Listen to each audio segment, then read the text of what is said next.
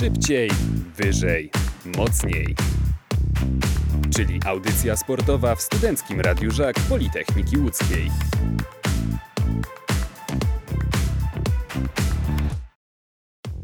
Pomimo fatalnej rundy wiosennej w ubiegłym sezonie, latem w Widzewie postawiono na stabilizację.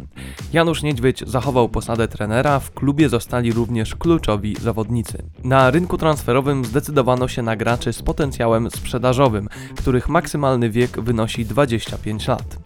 Trudno jednak ocenić, którzy z nich okażą się faktycznym wzmocnieniem zespołu. Zbierający dobre opinie w pierwszej lidze 18-letni Dawid Tkacz wciąż dochodzi do siebie po kontuzji, a Antoni Klimek przegrywa na razie rywalizację o rolę młodzieżowca z reprezentantem Akademii, Filipem Przybułkiem.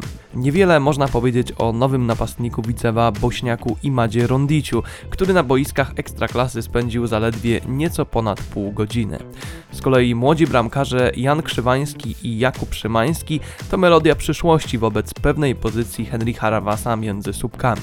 Spośród nowych nabytków do pierwszej jedenastki trafili tylko lewonożny stoper Portugalczyk Luis Silva oraz hiszpański środkowy pomocnik Fran Alvarez, dobrze znający się z podstawową dziewiątką Widzewa, Jordim Sanchezem. To właśnie współpraca dwójki Hiszpanów przeniosła jedną z bramek w inaugurującym sezon starciu z Puszczą Niepołomice. Grający w nowym systemie z czwórką obrońców widzewiacy nie bez trudu pokonali Beniaminka 3 do 2 i przerwali fatalną serię sześciu porażek z rzędu na własnym stadionie. W wyjazdowych spotkaniach z Pogonią Szczecin i Jagiellonią Białystok było już znacznie gorzej.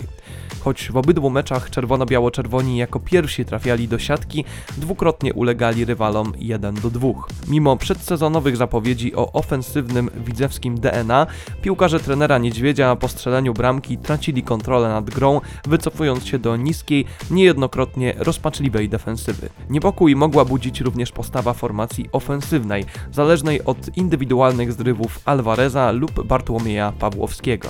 Tylko trzy zdobyte punkty na start rozgrywek sprawiły, iż przy Piłsudskiego zaczęto intensywniej poszukiwać kolejnych transferów. Konieczne zdaje się być zakontraktowanie jeszcze jednego stopera oraz uniwersalnego zawodnika ofensywnego, lecz władze klubu mają inne priorytety. Głównym celem jest bowiem pozyskanie gracza na pozycję numer 6, który mógłby rywalizować z będącym w słabej formie Markiem Hanowskiem, zamieszanym w utratę obydwu goli w Białym Stoku. Rozczarowujący początek ligi oraz styl gry zespołu nasiliły plotki o zagrożonej pozycji trenera Widzewa. Choć pogłoski o zwolnieniu szkoleniowca wydają się być przedwczesne, Janusz Niedźwiedź i jego drużyna muszą raz jeszcze odbudować nadszarpnięte w oczach fanów zaufanie i zagrać o pełną stawkę w 69. derbach Łodzi.